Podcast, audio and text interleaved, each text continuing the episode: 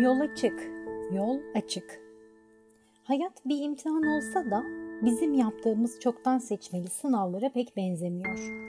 Beş seçeneğin sunulduğu ve genellikle iki seçenek arasında sıkışıp kaldığımız sınavlar hayatın minyatürü gibi algılansa da pek de öyle sayılmaz. Her sınavın alt boyutları olduğu gibi her alt boyutta başka alt boyutlarla birbirine bağlıdır. Okullarda dersleri ayrı ayrı görür, hatta bir dersin konularını dahi birbirine bağlamakta güçlük yaşayabiliriz.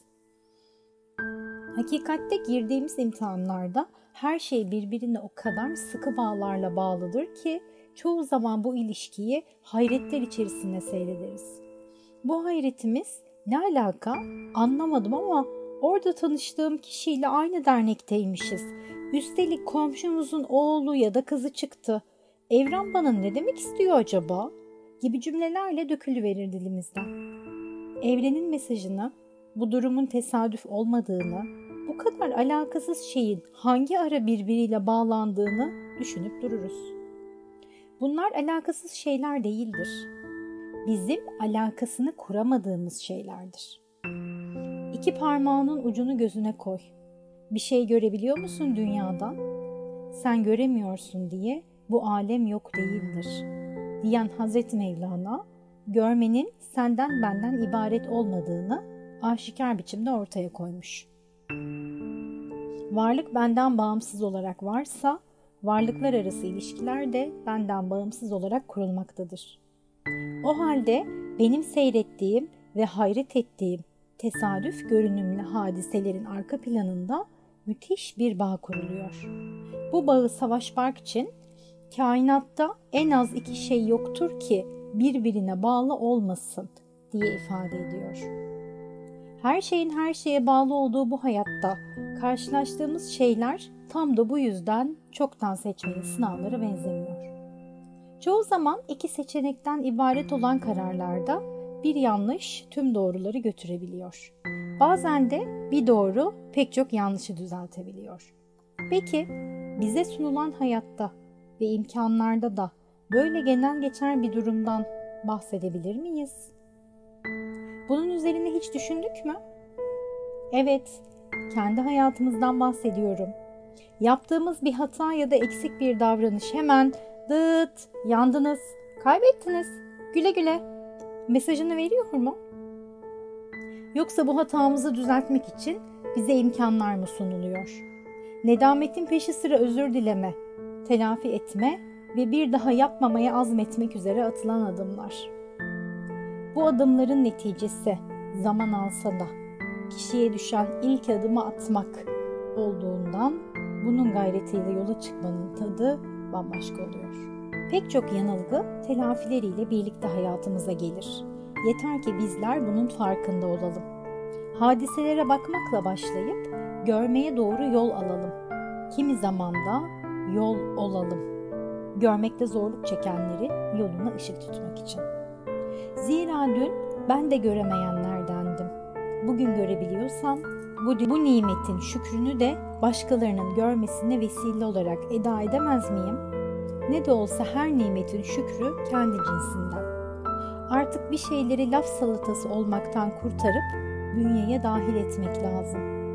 Mideye ulaşsın, sindirime girsin ve tüm vücuduma dağılsın. İşte o zaman her şey değişmeye başlayacak.'' Hücrelerim bu nimetle doyarken ruhum şifalanacak. Zihnim düşünmenin ötesine geçerek eyleme döktüğüm için yapabilirlik çıtamı bir üste çıkaracak ve ben bir adım atmış olmanın mutluluğunu her zerremde hissedeceğim. Hani kapsül arıyoruz ya çoğu zaman. Bir tane içelim ve tüm bilgiler aklımıza girsin. Hayatımızdaki tüm sorunlar çözülsün. Tüm işler hemen bitsin diye. Bütün bir ömür bu kapsülü henüz yapmamış olanlara kızarak heba olup giderken bu kapsülü neden ben yapmıyorum sorusunu hep gündemin dışında tutuyoruz. Herkesin herkesten her şeyi beklediği bu dünyada hiç kimse hiçbir şey yapmadığında sövgülerimiz arşa yükseliyor da biz bir arpa boyu yol alamıyoruz. Otostop çekerek dünyayı dolaşanlar yola çık yol açık etiketiyle bize göz kırpıyor. Ne bekliyorsun yola çıkmak için? Hazırla bavulunu, yap planını, kontrol et durumunu ve yola çık. Göreceksin ki yol açık. Kapalı olduğunda açmayı öğreneceksin. Bazen tek başına, çoğunlukla birlik halinde. Sen yol açtığını düşünürken bu yollar senin zihninde, gönlünde, ruhunda ve hayatında yepyeni ufuklara doğru yürümeni sağlayacak. Zamanla başkalarının hayallerine giden yolları keşfetmelerini sağlayacak, belki de onlarla yol arkadaşı olacaksın. Yolda aç kaldığında yoldaşlığın ne olduğunu bir paket bisküvi ya da bir parça ekmeği bölüşerek anlayacaksın. Bu ruhunu doyuracak. Sen aynı zamanda midenin de doyduğunu hissedeceksin.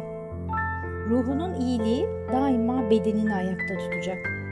Yollar uzayıp gittikçe derdin varmanın ötesine geçecek. Yolun tadı dabağına yerleşince yeni yollara yöneleceksin. Ham olarak çıktığın yolda zamanla pişeceksin. Bu senin tadına tat katacak.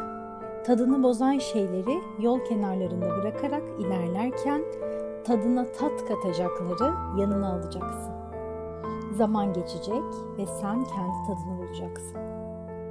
Dönüp baktığında hayret ve minnetle izleyeceksin yolculuğunu.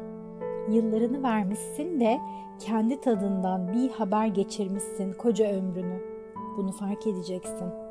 Sonra yalnız olmadığını göreceksin. Kulağına fısıldayacak Üstad Necip Fazıl. Tam 33 yıl saatim işlemiş, ben durmuşum. Gökyüzünden habersiz uçurtuma uçurmuşum. Önceden duyup da anlam veremediğin şeyler yerli yerince oturmaya başlayacak. Burada da sana deme neden şu şöyle, yerincedir o öyle sözleriyle Erzurumlu İbrahim Hakkı eşlik edecek. Ve sen her bir durakta yeni yoldaşlarla tanış olup işi kolay kılarken kendinin farkına varacaksın. Şimdi de Yunus Emre usulca ilim ilim bilmektir diyecek. Kendini yıllardır duyduğun ve çok beğendiğin bu dizelerin anlam denizinde yüzerken bulacaksın.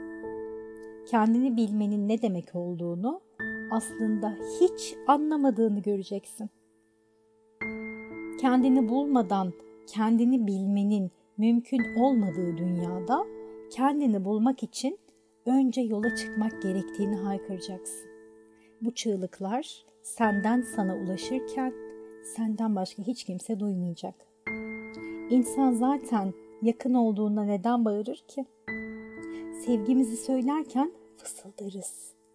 Ruhlar öyle yakındır ki fısıltı yeter. Nefretimizi haykırırken en yüksek perdeden haykırırız. Ruhlar arası mesafe tahayyül sınırlarının ötesindedir. İşte kendimize haykırışımız en çok kendimize yabancı ve uzak oluşumuzdan. Kendimize fısıldamaya başladığımızda diğer insanlara söylemlerimiz de son bulacak. Tapduk Emre'nin gelene niye geldin demediğimiz gibi gidene de gitme demeyiz. Değişindeki zerafetin idrak kapısında buluruz kendimizi. Bu bir umursamazlık değil, olanı kabulleniştir. Bu bir haykırış değil, hafif bir fısıltıdır. Bu Tapduk Sultan'dan gelenlere bir uyarı değil, Tapduk Sultan'ın kendini kabullenişinin ayan beyan fermanıdır. O kalbini fısıldar, bize ılık bir esinti çarpar. Yazan ve seslendiren Beyda Topan